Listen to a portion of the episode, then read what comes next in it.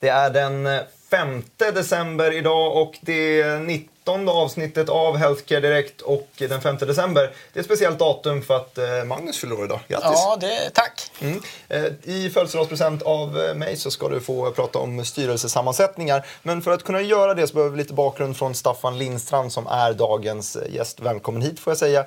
Vem är du och vad är HealthCap för någonting? Tack så mycket. HealthCap är en eh, venture capital-firma som eh, fokuserar enbart på life science-investeringar, mestadels eh, terapeutiska sådana. Vi har sex disputerade läkare bland annat hos oss. Vi är väldigt biologiskt fokuserade. Vi har funnits i drygt 22 år, investerat i 114 bolag, tagit tror jag, 45-44 bolag publikt eller någonting sånt där. Och eh, vi drivs rätt mycket av att eh, skapa nya verktyg som ska hjälpa patienten, läkare och systemet. Själv så, och vi kan jag nämna till en sak till, vi investerar globalt också så vi inte fokuserar något speciellt på just bara Sverige.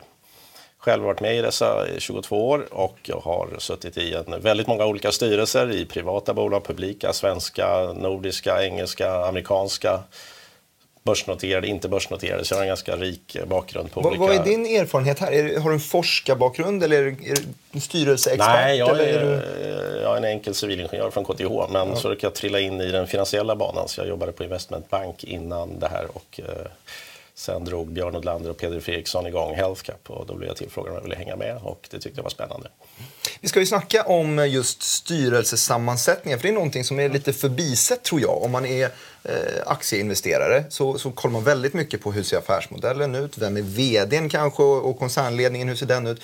Men det är ju faktiskt en, en mängd folk bakom det här som, som eh, driver bolaget i sitt sätt. De utser rätt personer ska driva bolaget och kanske petar någon när det går dåligt i någon sektor och tillför någon ny istället. Och det här tror jag att folk kanske har, har missat lite grann i alla fall, eh, vilken kraft det har. Eh, så jag, jag, tänkte att eh, vi kan väl plocka upp den första, första grafiken så att vi får en liten genomgång på hur det ser ut, just sammansättningen i eh, publika aktiebolag. Ja. Och, och, eh, här ser man ju alla de eh, delar som eh, styr ett bolag. Och eh, högsta organet det är ju bolagsstämman som här eh, är betecknat årsstämma. Och eh, årsstämman de brukar vanligen utse styrelse. Och eh, i det, det, här arbetet så har man då valberedningen. Och där, där har ju du eh, suttit med i ett flertal valberedningar. Japp, det har blivit en liten grej jag håller på med. Är det din nisch i den här kartan? Ja, eller? Jag, har råkat, jag har råkat trilla in på sån här lite governance och eh, lite sånt där. Så att, eh, av någon anledning så mm får jag ta mig an sådana uppdrag. Vilka, vilka bolag sitter du i, i valberedningen Ja, just nu är det väl i Oncopeptides och i Vicor. Jag var med i Mips förut och i Wilson för att nämna svenska börsnoterade mm. bolag. Ja, men Wilson det, det var ju en riktigt eh, stor, eh, stort utköp där. Ja, det är riktigt. Ja, men det är bra. Mm. Det var en, en, en eh, som vi vill ha det.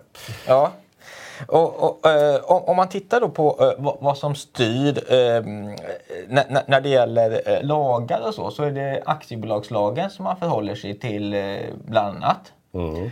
Och, och, eh, i den så står det ju att då ska man ha minst tre personer i styrelsen. Och den säger att man ska ha mer än hälften av ledamöterna. De ska utses av stämman. Och, och sen har vi ju det här i Sverige att styrelseordförande får inte vara VD. Så, så det är sådana förhållningsregler man måste hålla sig till. Eh, men, men, eh, ganska vanligt är att styrelsen eh, och styrelseordföranden väljs av stämman.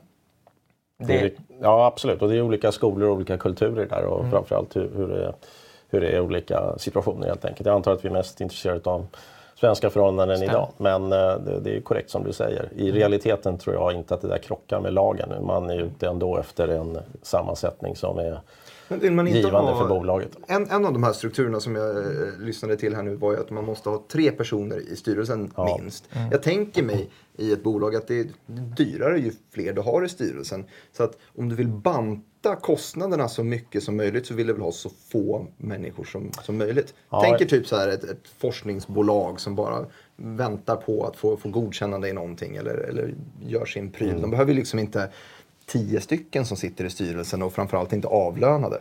Eh, den här begränsningen med tre stycken, är det något, skulle man vilja ha den till två eller en ibland? Eller? Nej, jag skulle vilja argumentera precis tvärs emot vad du säger ah, okay. för att det ska bli intressant här. Eh, om du tar speciellt life science-bolag, de börjar ju ofta som ett utvecklingsbolag. Kanske mm. preklinik, klinisk utveckling, sen går det in i någon sorts initial eh, kommersialisering och sen så en full kommersialiseringsgräns om det är så dyrt för bolaget, det är ju att anställa ett komplett management-team som behärskar alla grenar upfront i förväg. Plus att när du är liten och, och du ska bli US National Sales Director, då har du mm. ingenting att göra de närmsta fem åren. Så det är, liksom, det är en ganska meningslös kostnadspost plus att du inte kommer hitta någon större attraktion utav det. Likväl så behöver du se fram i framtiden över vad har du för strategiska problem, vad har du för utmaningar, vad ska vi tänka på redan nu så att vi om fem år kommer hamna rätt där. Här kommer ju styrelsen in på ett fantastiskt sätt. Så har du en kompetent styrelse som behärskar de här disciplinerna och vet vad som gäller. Hur ska vi förhandla med FDA i framtiden? Hur ska vi tänka på labels? Hur ska vi tänka på det ena och det andra för att liksom verkligen vara med? Då, är en då har du en möjlighet att hitta extremt höga talanger som sitter med i styrelsen, tänker igenom de här sakerna. Det är ju långt ifrån några fulltidsjobb. Men åtminstone har du med dig det till bolaget även i förhållandevis tidiga faser. Så ur ett kostnadsperspektiv skulle jag säga att precis tvärtom. Ladda på med en hyggligt bra styrelse och därigenom så kan du ha fokus i bolaget och ledningen på det som är mer dagsaktuellt, så att säga, de faserna som du är i. Och och hitta de bästa talangerna i det läget. bädda lite grann för, för framtiden. Man måste ha så pass eh, lång framtidsutsikt Nej. att man har någon som kan FDA redan ett par år ja, innan man ens börjar söka det. Tänk så här, att beroende på vilken label du har, det vill säga vilka, vilka, under vilka förutsättningar får du sälja en ny drog för till exempel. Om du då i förväg har trasslat in dig i någon situation som gör att nej, den blev bara så här, shit, vi skulle ha gjort på det här sättet istället, då hade det varit tre gånger så stort eller något liknande. Mm. Det kan ju vara ganska avgörande ur värdesynpunkt visar det sig då. Mm. Mm. Så man ha, tänkte inte på det. är ju lite olyckligt. Så där gäller det att ta höjd för det i förväg och framförallt är viktigast egentligen att inte göra fel. Life, life Science-bolag har ju också olika faser och eh, till exempel eh, vissa bolag, eh, man brukar ju tala om klinik och före klinik och så. Eh, ser du något eh, behov just att det kan skilja sig mellan om man, om man är tidigare klinik eller när man kommer till senare delen av klinik, hur stor styrelsen ska vara? Uh, ja, uh, vad som händer i styrelsesammanhang det är det att likt management så får det lite följa med uh, företagets utvecklingsfas. Det vill säga om det är tidig fas då är det mycket vetenskap, hur gör vi de första studierna som bevisar nyttan etc. För att sedan gå över till de pivotala studierna där du ska ha som underlag för att få ett godkännande och sedermera hur du kommersialiserar. Så även styrelsen får ju hänga med på den här resan. Mm. Men vad jag, min, min poäng är att den behöver inte fluktuera eller vara lika eh, den kan vara lite mera eh, långsiktig om jag uttrycker mig så redan från början. skulle jag påstå är, är korrekt. Mm. Oavsett de här faserna. Men det är klart, när du går in i en när du har liksom två år kvar till en kommersialisering i USA, då måste du verkligen börja tänka igenom det nogsamt och mm. addera ytterligare talang där, eh, även till styrelsen. Finns det någon typ av, av, företag, jag gissar att när, när HealthCap investerar i bolag att ni kollar igenom dels då affärsidé och produkten och allt möjligt. Mm. Är det någon typ av styrelse som du har känt att äh, produkten är bra, bolaget känns mm. bra, men styrelsen den, den håller inte måttet? Och hur, hur, hur har den sett ut i så fall? Vad är varningsflagg liksom?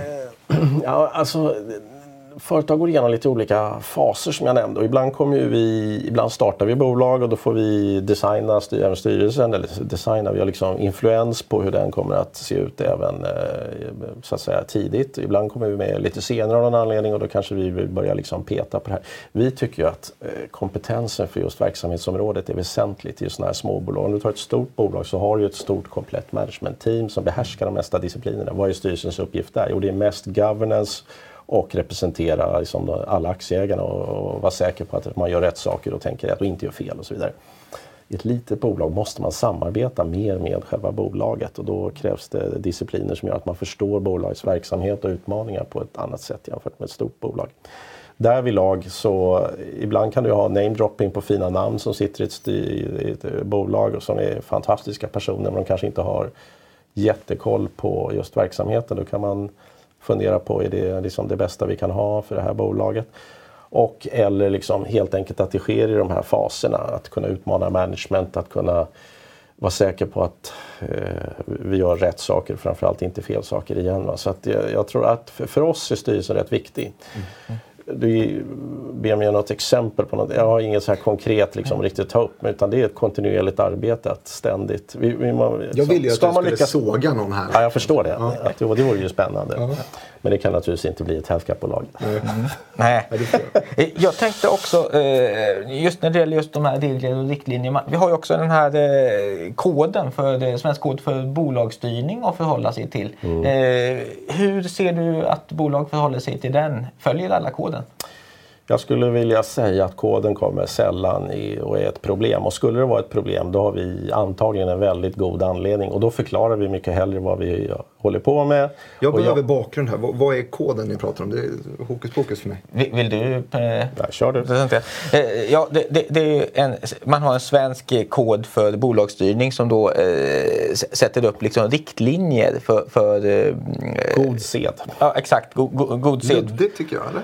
Nej, så luddigt är det inte egentligen. Utan eh, man, kan titta lite vad de säger. De säger till exempel att eh, högst en av styrelsens ledning ska arbeta i bolagsledningen eller i dotterbolags ledning. Och det här är ju lite intressant för i många fall har man ju till exempel med VD i styrelsen. Men skulle man följa koden skulle du inte kunna ha med någon annan. Nej, återigen olika skolor. Det går inte att säga att någon är absolut bättre än den andra. Eh, Vi eh, är mera bekväma med att vdn inte är med i styrelsen eftersom det är enklare att ha ett eh, ansvarsförhållande där man inte är med i båda fötterna i båda lägren samtidigt. Å andra sidan igen så vet jag särskilt i USA där det är det jätteofta- viktigt för en VD att vara med i styrelsen av olika skäl. Och, eh, så, så det går inte att säga att någonting är särskilt mycket mer rätt eller mindre rätt. Eller någonting sådär. Men det är helt riktigt. Jämfört med till exempel i England där ganska många executives, alltså eh, i ledningspersoner, det kan vara en tre stycken eller kanske till och med ännu mera, som sitter med i styrelsen. Det finner jag något märkligt själv. Ja, och, och ti- tittar man på eh, till exempel en roll som grundare. Eh, det, det kan ju många gånger vara att man som, som grundare har varit med och startat bolaget och har du liksom kontroll över bolaget. Och sen i takt med att du kapitalanskaffar och tar in kapital så, så minskar ägarandelen. Hur, hur ser du på grundarens roll i, i styrelsen? Ja, jag uppskattar ju grundare rätt mycket och vill att grundare ska behandlas väl etc. Eh, Och så länge man liksom har någonting att bidra med och representerar en aktieägare och en kultur så tycker jag att det, så är jag för att man ska vara med. Men å andra sidan igen, det får inte bli, det får inte bli en utmaning på så sätt att Ja, men jag är grundare, jag vill att vi startar nya intressanta, väldigt tidiga forskningsprojekt hela tiden och gör vi inte det så eh, vill inte jag med det här. Så, det, liksom, så länge det inte är någon konflikt så är det väl jättebra. Sen rent naturligt, om vi tar Orexo till exempel som vi har varit med länge, där har ju grundarna försvunnit. Så det, är- förr eller senare så, så brukar de dras ur liksom. När de märker det att en- intresseområdet har blivit något annat än det som är mitt. Det är någonting som jag har tänkt hela tiden att det måste vara väldigt svårt för en grundare som har kommit på idén, startat företaget, byggt upp det att sen liksom fasa det vidare, lämna över till någon annan. Och det är någon annan VD eller, eller styrelse som liksom ska ta bolaget vidare i nästa fas och då ta, ta baksätespositionen i det hela. Eh, är, det, är det lätt att, att eh, typ forska, jag tänker mig i alla fall att i, just i life science att forskaren hänger med lite för länge. Att man missar kommersialiseringsfokuset. Som, man ska ju tjäna pengar någon gång. liksom. Jo, exakt. För det första tycker inte jag att, jag menar huruvida man är, säg att fem, sex personer, en ideal antal personer i en styrelse. Om man råkar bli sju ett tag så eh, vad är downside med det? Minimalt skulle jag vilja säga. Så, att, så länge man bidrar och det är positivt, det, kulturen fungerar och allt sånt där så tycker jag att det är väldigt trevligt.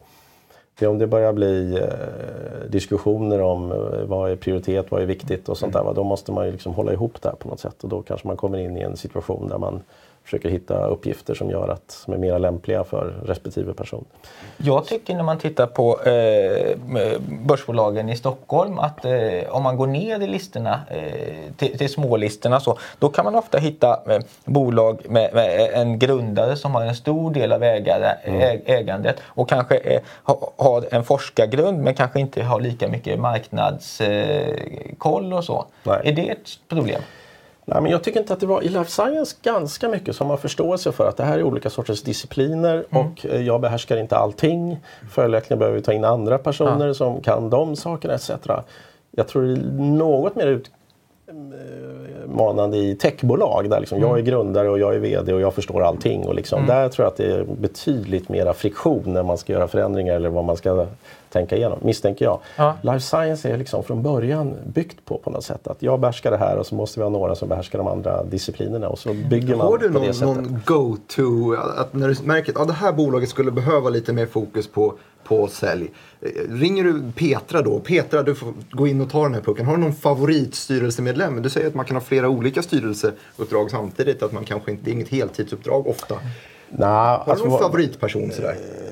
Nej, vi har en helt register över lämpliga personer. Dels sådana som vi har eh, samarbetat med tidigare, sådana som vi samarbetar med nu och sen så öppnar vi alltid upp för nya talanger om jag uttrycker mig så. Och framförallt sådana som till exempel anta att har jobbat på ett stort forskningsbolag i USA. Och så bestämmer för att jag ska sluta jobba heltid och jag tänker istället ägna mig åt konsulteri och ta styrelseuppdrag. Det är ju fantastiskt för oss att plocka in en sån talang med färsk, otroligt senior, fantastisk kompetens. Så det där pågår hela tiden. Dessutom ovanpå det så brukar vi ofta anlita rekryteringsfirmor för att hjälpa till med det här också. Det är ganska till stor del för resursbehov men, men absolut. Är det internationella eh, rekryteringar? Ja, absolut. Vi, vi, vi jobbar som jag... Life Science-bolag utvecklar i allmänhet produkter som ska bli globala. Då måste man också tänka globalt både i ledningen och i styrelsen. Så vi är väldigt mycket för att hitta internationella talanger. Vi har inget behov av att det ska snärjas in till Sverige. Och här har vi en jätteproblem i Sverige och det är kompensation för styrelseledamöter. Ja. Som då, eh, jag skulle vilja passa på att säga, då är ju eh, mycket illa i Sverige. Ja. Och Vad är det som är illa med där HealthCap kör ju hårt från att vi måste få upp kompensationer för styrelseledamöter. Standardvarianten i Sverige är att du ska få en internationellt sett usel kontant kompensation Mm. och sen dessutom utav den så ska du ta de pengarna och gå och köpa aktier för att du vill vara liksom, jag är med på Exakt, bolaget. det finns ju en förväntan ofta från aktieägare att en ny eh, CFO och så, du måste och köpa. då, då kom jag till ja, eh, så kom jag till USA och så träffade jag en person. Du, jag har en jättebra idé. Du ska, få, du ska få resa till Sverige och så ska du få en usel kompensation och dessutom så vill vi att du använder pengarna för att köpa aktier så ingenting blir kvar till dig. Vad säger du om det? ja, du vet, jag har ju andra uppdrag som liksom betalar sig våldsamt annorlunda. Så där har vi ett problem. Så den ena kompensationens storlek och den andra är då det här inslaget utav eh, equity som jag kallar för, någon form av aktiekompensation. Jag har lite svårt för att, och där kanske jag är lite amerikaniserad, att gå och be någon ta ett uppdrag. Och villkoret för att du ska få det uppdraget är att du tar dina privata pengar och investerar tillbaks. För att liksom, det är ditt erbjudande. Och dessutom får då det utav skatteskäl inte vara fördelaktigt. För då måste du betala skatt för alltihopa. Hur bör kompensationen enligt dig eh, se, ut? Kan man ha eh, rörliga ersättningar på något sätt? Eller Ja, rörligt i bemärkelsen att man har en aktiekomponent med i det hela. Antingen i form av att det är aktier eller om det är, som vi kör i ganska många bolag, så kallade aktierätter. Det vill säga givet att man är upp mot vissa krav. Jag tycker den modellen är fantastiskt bra.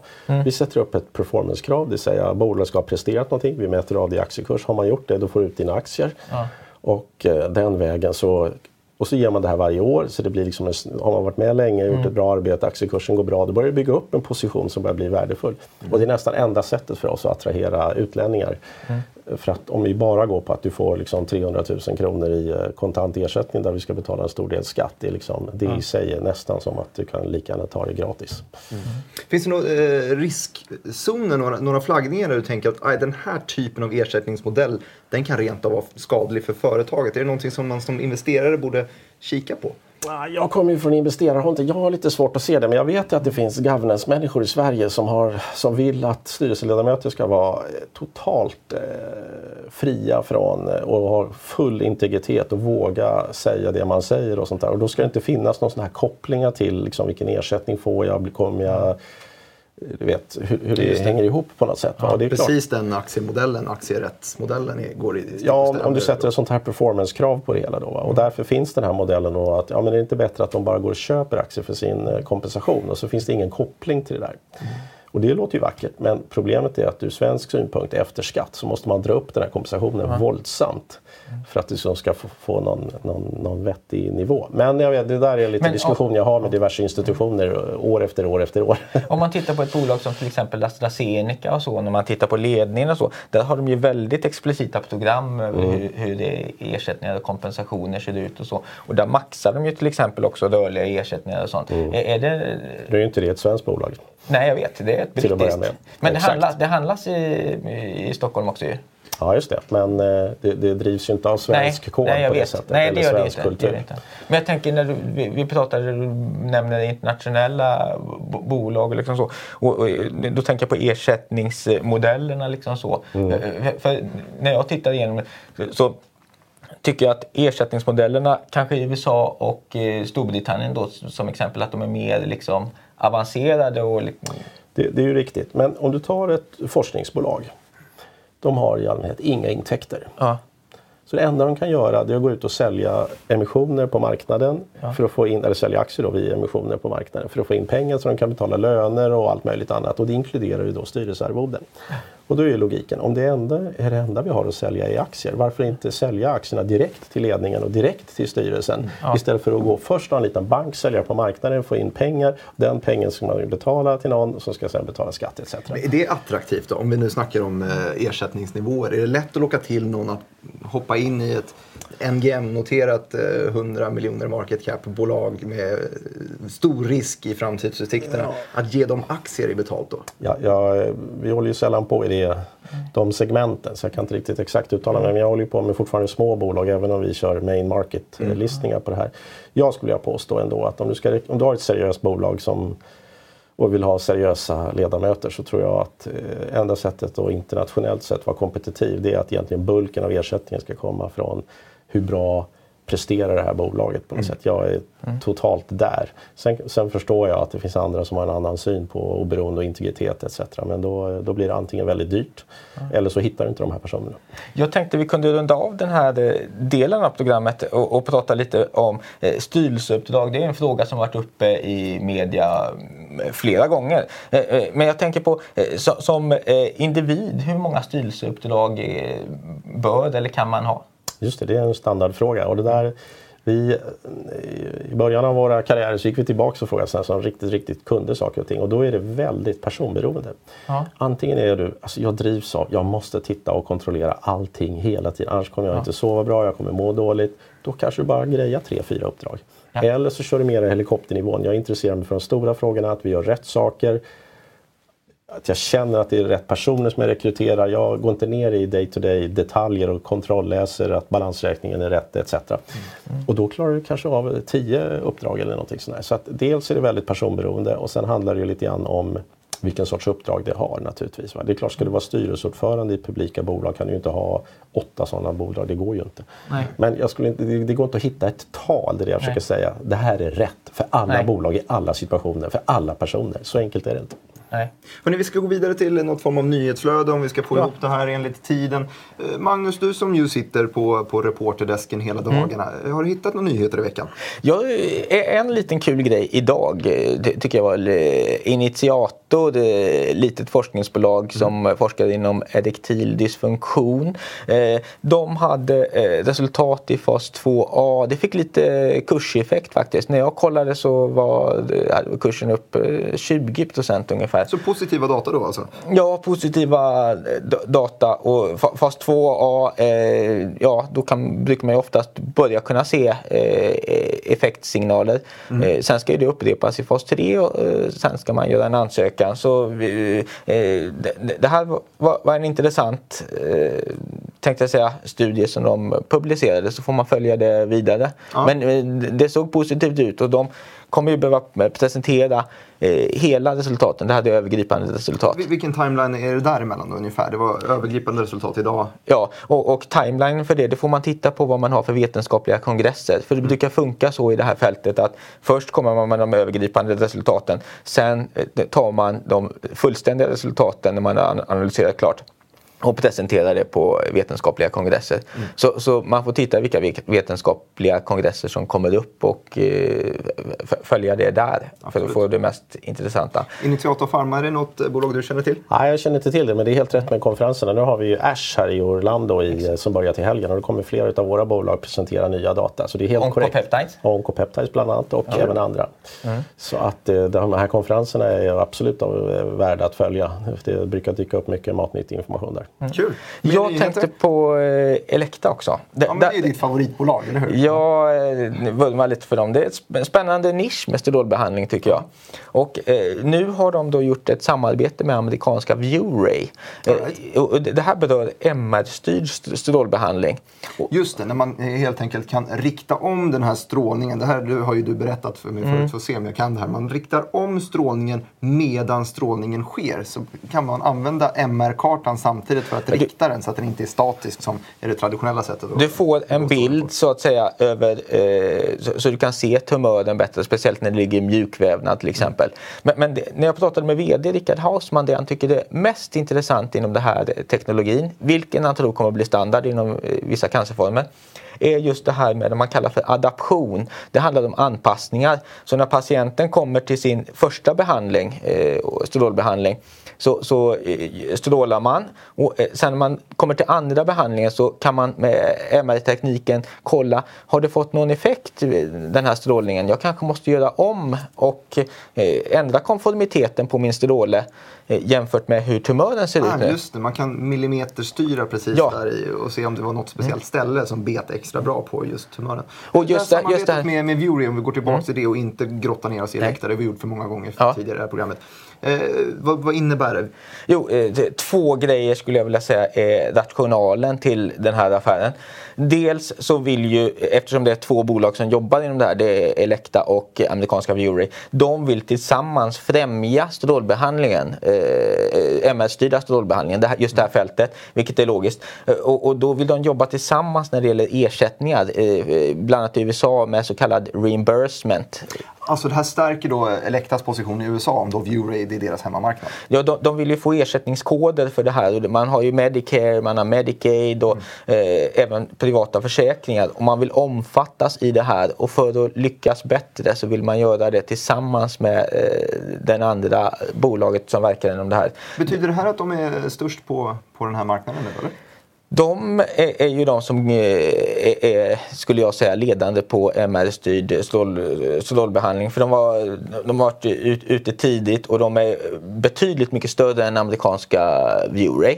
Mm. Och dessutom nu då så tar de ju en, vilket är den andra delen i rationalen, de tar en investering på 9,9% i amerikanska ViewRay. Och på den här marknaden som vi har pratat flera gånger så är det en duopolistisk marknad. De, Elekta och Varian Medical Systems, det är de två bolagen som dominerar marknaden två jättarna? Okay. Ja, mm. och eh, här har ju, eh, tänkte jag säga, eh, Varian Medical Systems, de har ju fokuserat på protonterapin och är inte inne på MR-styrd eh, strålbehandling. Och i och med det här samarbetet, då är de ju lite taktiska. Eh, att, eh, så som Pareto skrev i sin analys till exempel att sannolikheten för att Varian nu kommer gå och vilja samarbeta med Vuray när Elekta har köpt eller investerat. De har redan haffat den nu, så nu är de ett kompispar och så är Varian ja. ensamma här. Så blir det en riktig battle det, of the giants så småningom. Det gör ju...